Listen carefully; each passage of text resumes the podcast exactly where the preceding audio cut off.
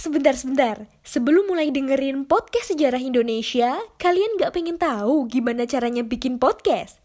Yakin? Gak susah kok. Coba deh download Anchor Podcast. 100% mudah, 100% gratis. G30S Gerakan 30 Sep Eh, bukan. G30S, Gaung 30 September Podcast Sejarah Indonesia. Dimulai dari hari ini sampai 30 hari ke depan. Kalian bakal dengerin episode spesial dari kami. Penasaran kan? Pokoknya dengerin deh Podcast Sejarah Indonesia. Dalam G30S adalah Udah, Artinya yaitu tadi kita tahu bahwa semua agama itu kan mengajarkan pada ajaran moral ya. Cuman ajaran moral yang ditampilkan itu tidak dalam tampilan naratif tulisan tapi dalam bentuk visual gambar. Bisa saya kembalikan kepada Indonesia, Hmm. tetapi pertanyaannya adalah apakah orang Indonesia itu bisa menjaga itu kan menyakitkan. Nah, gila itu kasusnya Iya. pada beberapa tahun yang lampau kalau kita menuju museum nasional kita hanya menemukan replikanya Prasna Paramita. Prasna Iya. Paramita itu adalah arca yang sesungguhnya mm, per- per- perwujudan daripada sakti siwa, tapi masih dalam bentuk eh, de- eh, eh, tidak dalam bentuk eh, Durga, tapi Dewi Uma sebelum dikutuk ke dunia itu diletakkan pada bagian utara Candi Singosari itu pada waktu masa pemerintah Hindia Belanda di Iya, Indonesia itu iya. diambil karena apa?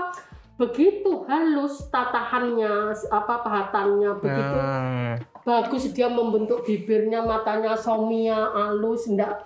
Jadi betul-betul seperti apa yang disampaikan dalam sastra tapi selera Nusantara. Karena Iya, kita tahu kalau Mas Taufik itu misalnya saya tunjukkan kepala arca Buddha, arca Buddha Nusantara Borobudur Iya, gitu ya, iya. terus di- dijajarkan dengan arca Buddha yang dari Jepang, dari apa Dari- itu beda. Jadi Oh. matanya juga beda.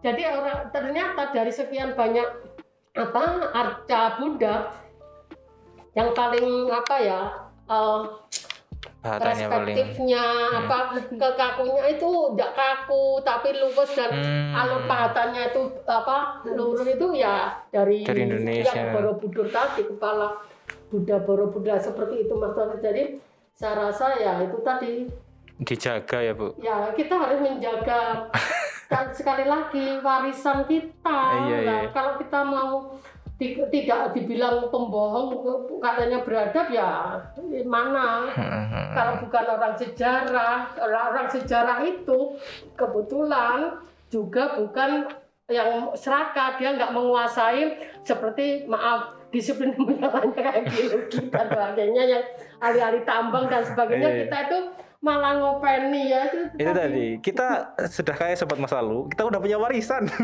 iya warisan Iya, Lah, maunya ya, kayak punya gitu. warisan kok disia-siakan Iya, iya, punya iya. warisan kok mau dijual karena tidak tahu tadi Hmm. belajar sejarah itu hakikatnya adalah nilai Value. nilai nilai Ah, iya, iya, iya, kalau iya. kita ada value nilai itu tadi makanya j- jangan sampai ya itu tadi eh, saya paling tidak senang bukan tidak senang saya karena saya pengalaman saya sendiri dari IPA yang saya agung-agungkan dari Iya iya. saya sejarah itu yang saya rasa sambil merem belajar ternyata sulit Iya iya iya. Sulitnya apa pada metodologi yang ketiga interpretasi Ya. tadi masuk mas.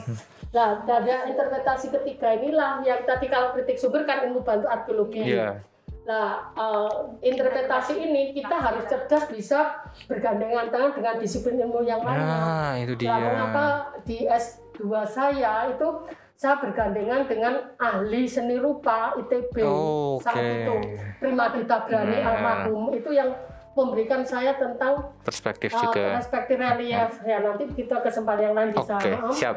Untuk S3 saya itu memakai tadi geografi geomorfologi Hmm, Oke. Nah itu memang akhirnya memberikan satu tadi orang yang nggak sombong itu biasanya banyak teman. Nah itu ibaratnya kalau kita belajar sejarah Hmm. pakai teman yang lain itu kita itu jadi bisa apa Nah, kaya, kaya. arif dan sebagainya gitu loh. itulah dia. Bu, tadi balik lagi ke tadi penulisan, Bu. Ya. Kan ada huruf Palawa, terus kemudian huruf Jawa kuno dan yang Hmm. lainnya juga. Terus ah, dulu saya juga pernah Oke sobat masa lalu, saya juga dulu pernah sempat berguru jadi mahasiswanya Bu Ufi masalahnya. Terus Bu Ufi pernah menjelaskan bahwa relief pun itu bisa bercerita. Maksudnya gimana? Betul. Karena gini, relief itu kan bagian dari panel, Ya. satu panel di dalam bangunan candi. Mm. Di mana relief itu adalah adegan-adegan terpilih yang diambil Oh. dari kitab keagamaan.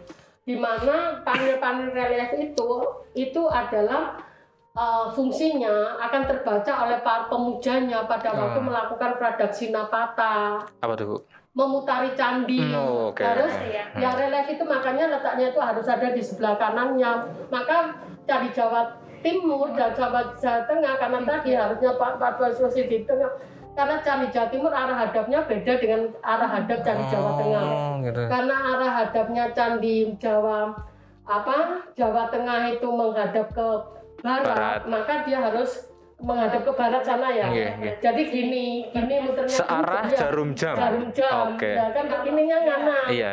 tapi karena arah kalau candi Jawa Timur itu tidak menghadap ke barat menghadap ke, Ke timur, timur. sehingga, kita harus juga masih tetap kanan Anti clockwise. berlawanan arah Jarum jam. gitu. Sobat masa lalu kalau main ke candi, ingat-ingat ya kalau mau baca reliefnya atau mau lihat reliefnya yang bener rentetan panel ceritanya, kalau lihat candi Jawa Tengah, candinya harus sebelah kanan, Iya, muter searah jarum jam. Tapi kalau main ke Jawa Timur, kamu ke Berbeda timur belakang. kebaliknya. Iya, iya, gitu Karena memang ada cerita-ceritanya memang bisa dibaca ya Bu, kalau Loh, sesuai. ya memang orang datang ke candi itu kan mem- membaca apa membaca tampilan dari relief Hmm, ya. Nah, tampilan relief itu biasanya berisi satu moral ajaran moral ajaran Ya. moral ajaran moral yang paling tidak pemujanya kalau mema- apa, melihat relief itu teringat apa Hmm. uh, apa ter- di seperti dicas kembali pada satu itu kalau kalau maaf ya Hmm. kalau dalam kitab lain Al-Qur'an misalnya itu kan apa pengingat kita itu dalam tulisan. Nah, kalau Buddha itu ya itu tadi Oh, oke. atau visual Visualnya, gambar, ya, ya. nah. Sehingga kadangkala memang di dalam candi itu uh, untuk contoh atau untuk apa ya uh, sumber moralnya itu kadang-kadang kemudian tokohnya itu bukan manusia tapi binatang. Nah, kenapa Oh, binatang? gitu-gitu. kadang-kadang manusia itu dia kalau yang mengingatkan binatang dalam ceritanya itu dia nggak tersinggung tapi kalau yang yang yang ya, Oh, yang dirinya jadi cerita- gitu. ya misalnya di cerita apa di candi ini apa di Jawa Tengah misalnya eh Borobudur, Prambanan. enggak apa kalas kok Kalasan. iya. Sebelum kalasan itu apa ya Ceto. Oh, Borobudur saya lupa ya maaf Eh, ada cerita-cerita oh Candi Pawon Candi Pawon. saya ingat sekarang jadi itu di panel reliefnya itu adalah cerita-cerita fabel Oh, binatang. Iya, iya, iya. Oh, misalnya kalau orang sombong itu nanti akan ya misalnya wah, burung eh, di dalam apa digambarkan dia itu membawa eh, kata apa? Kemudian dia katanya sombong eh kamu jangan ngomong tapi dia kan dia biasanya eh, he- kata hewan tanah dia setelah dibawa burung itu sombong Iya. ngomong padahal sudah diingatkan kamu jangan ngomong dia ngomong akhirnya dia jatuh misalnya gitu jadi Oh, gitu. Iya, iya, iya, iya. iya. Nah, apa cerita fabel itu Seperti seperti, itu. itu kalau di apa candi Dan itu butuh misalnya. interpretasi tadi, Bu, Iya, ya, untuk iya. membaca. Artinya ya itu tadi kita tahu bahwa semua agama itu kan mengajarkan pada ajaran moral Ya, ya. ya. Cuman ajaran moral yang ditampilkan itu tidak dalam tampilan naratif tulisan, tapi dalam bentuk visual gambar. Nah itu panel reliefnya itu. Iya, iya, iya. iya. Oke. Enggak, pokoknya kalau sama Bu kepengen ceritanya itu lanjut, lanjut, lanjut, dan lanjut. ah, menarik dong, bener. Eh, teman-teman kita nggak karena di sini juga ada Mbak Ika juga ya yang nemenin. Jadi terus selanjutnya kan sekarang Ibu di TACB ya bukan nggak salah Ya, Cagar Budaya. Ini ngapain aja tuh Bu? Kok banyak banget kesibukannya kayaknya? Anu Mas Taufik orang ngurus warisan itu ya sibuk tuh mesti ke Iya iya iya bener sih ya. Iya kan karena punya warisan. ya ini ibaratnya gitu artinya bahwa kita juga harus ini ya eh, kalau tim Mari Cagar Budaya itu memang tugasnya adalah eh, kita itu sering kali tadi ada banyak kasus di mana eh, warisan itu tidak boleh diperjualbelikan, kemudian dirubah begitu rupa. Karena kalau udah dirubah, itu nilai-nilainya tadi hilang. Misalnya zaman dulu kan nggak kenal plitor, misalnya plitor seperti kayu sekarang misalnya. Tapi karena dia itu kemudian ben- dia nggak tahu, sering kali banyak kan terus kayunya tuh dipelitor dengan plitor sekarang. Artinya Oke. Padahal dulu kan nggak mengenal plitor sekarang, apa Iya. seperti itu misalnya. Artinya eh, bangunan misalnya Iya. Mas Taufik, bangunan itu juga gitu. Banyak pada waktu restorasi dulu kok aku ngerti warna-warni cat warna-warni kan cuman paling putih aja karena Oh, iya. bahan bangunannya Iya, iya. itu belum mengenal teknologi semaju sekarang. Iya, Dan seperti itu jadi harus kembalikan pada marwahnya Ah, si peng aslinya. pastinya. Lah, tapi TACB itu apa Tom? Jadi gini, TACB itu adalah satu tim ahli cagar budaya yang dibentuk oleh pemerintah daerah, Hmm. pemerintah pusat, Oke. dalam artian em, ini menjawab dari amanah undang-undang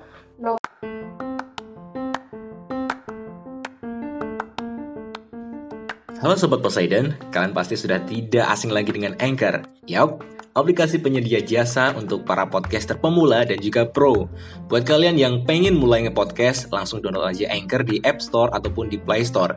Di sana, kalian bisa nge-podcast dengan banyak banget pilihan background musik. Setelah itu, kalian bisa mempromosikan podcast kalian ke mana pun. Secara otomatis, nanti akan di-sharekan oleh Anchor sendiri. So, tunggu apa lagi? Cus, nge-podcast bareng Anchor.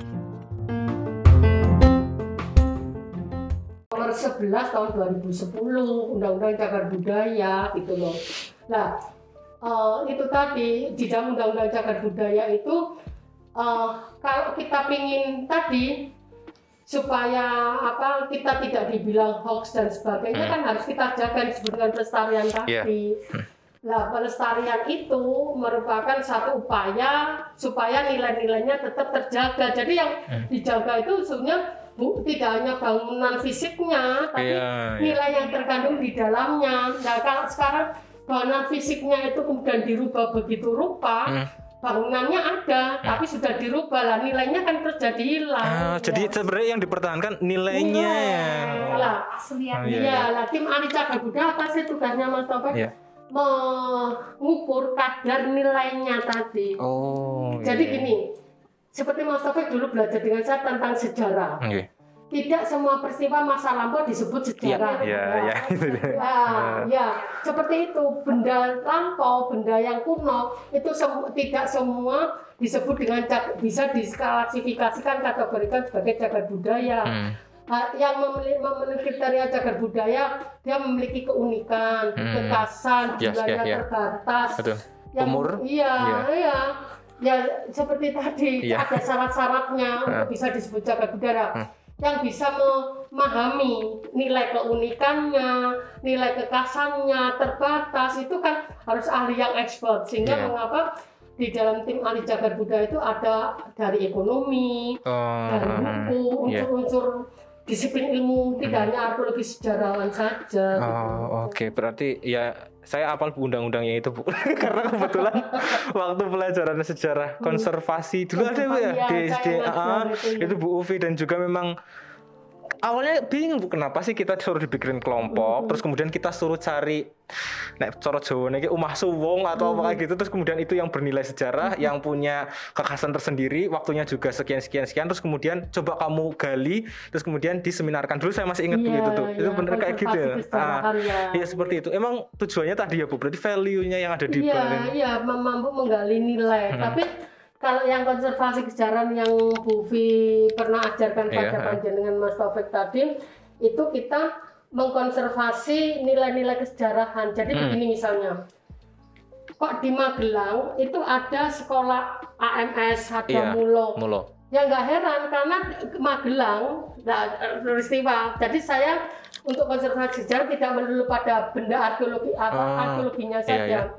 Karena yang dimaksud dengan arkeologi cagar budaya menurut undang-undang itu kan benda, bangunan, struktur, Struktur. situs dan kawasan. Oh Nah, iya iya. Tapi kalau yang kesejarahan berarti kita tahu peristiwa masa lampau itu dari ya ternyata pemerintah Hindia Belanda kan eh, ini sebelum ada kabupaten kan karesiden karesidenan. Ya. Nah, Magelang itu adalah ibu kota karesidenan dataran kedua, Iya. maka dia harus lengkap pendidikannya mulai dari SD, SMP ya. SMP. Seperti ibu kota provinsi kan Ya. juga lebih lengkap dibanding yang bukan Nah, yang- ah, seperti itu. Itu luar biasa. Saya sampai muter-muter beberapa daerah akhirnya, wah, akhirnya nemu juga. Terus sempat konfirmasi sama Bu Uvi. Bu, ini ini apa betul? Oh, ya tapi ini kayaknya waktunya kurang mas. Ya cari lagi. tapi ya akhirnya, oh setelah setelah menggali ini saya main sini. Ya, Ya, itu ya. Artinya sekarang ada yang namanya tim pendata. Iya. Jadi tim pendata itu seperti sejarahnya sejarah itu juga harus punya sebenarnya. Hmm. Jadi kalau kita itu mendengar ada satu peristiwa Iya. yang apa eh, menarik dan sebagainya kita tangkap aja Hmm. kemudian apakah peristiwa itu sebagai fakta atau Hmm. hanya cuma kisah Oke. Misalnya itu kan nanti seperti tim, ahli cagar budaya itu jadi benda yang diduga sebagai cagar budaya Hmm. karena dia kuno dengan yang memang betul-betul memang tadi Dan- dia memiliki keunikan Iya, nilainya tadi ya seperti Ah, itu oke. apa paling tidak tugasnya dari tim ahli cagar budaya itu mengukur kadar nilai. Nilainya. Sejarah kan juga gitu. Sama ya, Bu. Mengukur kadar nilai tapi dari peristiwa. Betul. Tapi kalau cagar budaya itu mengukurkan dari bendanya, Ah. fisiknya kan begitu fisik dari benda, bangunan, struktur. Kalau ada bangunan-bangunan disebut dengan situs, kumpulan situs-situs itu kawasan. Dan alhamdulillah tahun 2018 kemarin, eh, alhamdulillah eh, tim ahli cagar budaya Kota Semarang khususnya saya itu bisa mengantarkan pada tadi kawasan Semarang Lama. Nah, ini ini Kawasan sobat Semarang sobat Lama. masal. Tadi saya ujungnya mau ini karena kebetulan Bu Uvi ini juga merupakan salah satu orang yang juga berpengaruh dalam Kota Lama. Kota Lama sekarang udah jadi keren banget ya. Kota Lama Semarang ya, kan bukan Kota Lama yang ada di mana, tapi Kota Lama Semarang. Bisa cerita nggak Bu? Dulu pertama kali saya ke sini. Waktunya cukup tuh ini. Eh, cukup bu, Ah, ah, santai aja bu. Kita kita break juga nggak ada masalah. Jadi pertama kali saya ke sini tahun 2012 bu. Memang yang pertama kali saya ingin tuju adalah kota lamanya ah, waktu itu. Nah kota lama waktu itu tuh kayak bener-bener saya masuk ke kota hantu bu, beneran Nah, pertama tahun kali. 2012, Ya. saya tuh dua, tahun 90-an. Ah, apa aja Bu? Pasar Johar itu tempat orang judi, nyabung ayam. Bahkan yang namanya Lawang Sewu tahun eh, 99 Iya. zamannya Pak Sokhe itu gu- apa dosen Mas Taufik itu kan saya ajak ke museum ke Lawang Sewu. Lawang Sewu saat itu tertutup rapat di Ah. mana juga belum seperti sekarang dan Iya. di sana masih banyak apa kotoran anjing. Kotoran Oh. anjing itu bisa lucu sampai di tingkat tiga. Kalau Oh. Di tingkat tiga masa ada anjing sampai nah itu seperti itu ya memang untuk hunian uka-uka. Iya Nah, yang masih ditutup memang- pintunya. Iya, ditutup dan saya sempat sampai ke atasnya. Oh, ya iya, iya, atasnya di atas itu ya bagaimana konstruksi Belanda eh, itu zaman Hmm. itu seperti apa eh, yang saya lihat. Kemudian Masjid Kauman itu Iya. juga apa em, saat itu juga masih di atapnya itu masih menyimpan senjata-senjata yang untuk Oh, apa di bukan di atas Ininya. anunya plafonnya plafonnya masjid. Iya. Oh, Oke. Ah, jadi gini saya memang kalau kita itu memang mahasiswa itu mau menyenangi sejarah ya memang harus explore Eh, untuk Kafah ya bu ya. iya harus harus harus Totalitas. total gitu loh jadi eh, memang harus bisa ini ya tadi apa meli ya, karena itu tadi bendanya itu ada di luar bangunan di luar kelas ya harus Hmm. keluar orang sejarah itu kalau di dalam kelas itu bukan orang sejarah namanya Nah, guys, silakan kalau kalian senang sejarah, dolan-dolan ya, main-main, Iya, lawatan. lawatan. Kok kota lama bisa bisa sekeren sekarang itu gimana caranya? Nah, kenapa kok sekarang sekarang itu juga gini, mungkin eh, kita juga harus berterima kasih Hmm. pada pemimpin daerah Kota Semarang Ya. saat ini Pak Hendar dan Bu Ita Hmm. yang concern terhadap apa warisan memelihara warisan Ya. tadi yang melihara Paham warisannya banyak ya, Bu? iya, paham.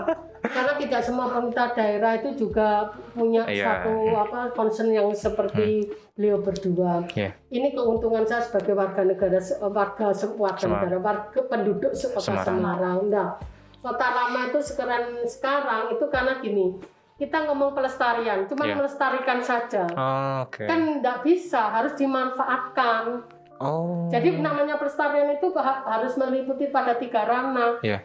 Perlindungan, Oke. pengembangan, dan pemanfaatan. Oh. Nah, perlindungan ini biasanya banyak yang dilakukan apa tugasnya BPCB biasanya karena dia yang mageri, yang ngasih Iya, Tanda gitu. terus dia yang menyebentar dan sebagainya. Fungsi teknisnya paling enggak pengamanan. Peng- pengamanan dulu. Ya, seperti kemarin ditemukan wajan di Bantul misalnya Iya, itu ha, yang mager itu ya BPCB, BPCB dulu. ya. Itu paling enggak upaya perlindungan, Hmm. dikasih atap dan Iya. sebagainya. Nah, setelah perlindungan apa dia masuk register, Hmm. terus kemudian ditentukan juga apa perlindungan eh, dari zonasinya Iya. dan sebagainya, delineasinya sudah tercatat diregister dan jelas sudah jadi satu kemudian pemeliharaan dipelihara ya, kalau dipelihara pe- pe- peng- dan sebagainya ini tahap perlindungan itu berbicara seperti Iya. itulah kemudian setelah dilindungan kan artinya kita bisa mengembangkan Iya. mengembangkan itu eh, mau di, di- apakan ini Iya. Nah, misalnya seperti IBC itu kan dulu itu kan kantor Oh, ya, iya. kantor rumah apa kantor perniagaan, Perniagaan, ya, betul. perniagaan. Kemudian itu yang namanya adaptasi. Jadi digunakan sesuai dengan disesuaikan dengan kondisi sekarang itu tidak apa-apa. Oh, apa. Karena biasanya gini, Mas Taufik, kita itu sering kali menemukan cagar budaya itu kan tidak dalam kondisi utuh biasanya. Hmm, iya, kondisi iya, iya. lam- apa udah hampir rusak. rusak ya. Orang yang mau menempati itu ada satu namanya peraturan daerah ya Kota Iya. Semarang. Kalau kamu mau menempati ini, kamu harus juga memelihara ini, ini, ini, ini, Kayak ini. Oh, ya, iya. Kalau iya, iya. tidak, jadi akhirnya terpelihara dengan lebih baik Oh. kan. Itulah. Ini adaptasi. Kemudian revitalisasi berarti Iya. Dari yang tidak ngapa-ngapain karena bangunan tadi cuma diem nyongkrok Hmm, aja, ah. itu jadi kemudian jadi digun- bisa digunakan. Hmm. Terus apa eh, pe- pengembangan berikutnya adalah penelitian. Re- Penelitian itu ya untuk mahasiswa Iya, bisa iya. arsitektur misalnya kepingin apa apa eh, semak di kota lama eh, ada satu tren bangunan abad ini. Tapi kalau itu hancur kan nggak tahu tren kayak apa sih. Ah, betul, betul, betul. Kalau digunakan kan gitu. Iya. Ya seperti itu. Terus kemudian tadi perlindungan, pengembangan, pemanfaatan. Hmm. Pemanfaatan hampir sama dengan perlindungan. Jadi dilindungi untuk apa? Dimanfaatkan untuk pengetahuan, eh, pendidikan, Perekonomian, bahasa, budaya, dan pariwisata. Hmm. pariwisata. Nah, sekarang kalau kemudian Semar apa kota lama itu tidak dipoles demikian rupa dalam artian masih dalam koridor undang-undang. ah, Lah, mas siapa mau datang itu?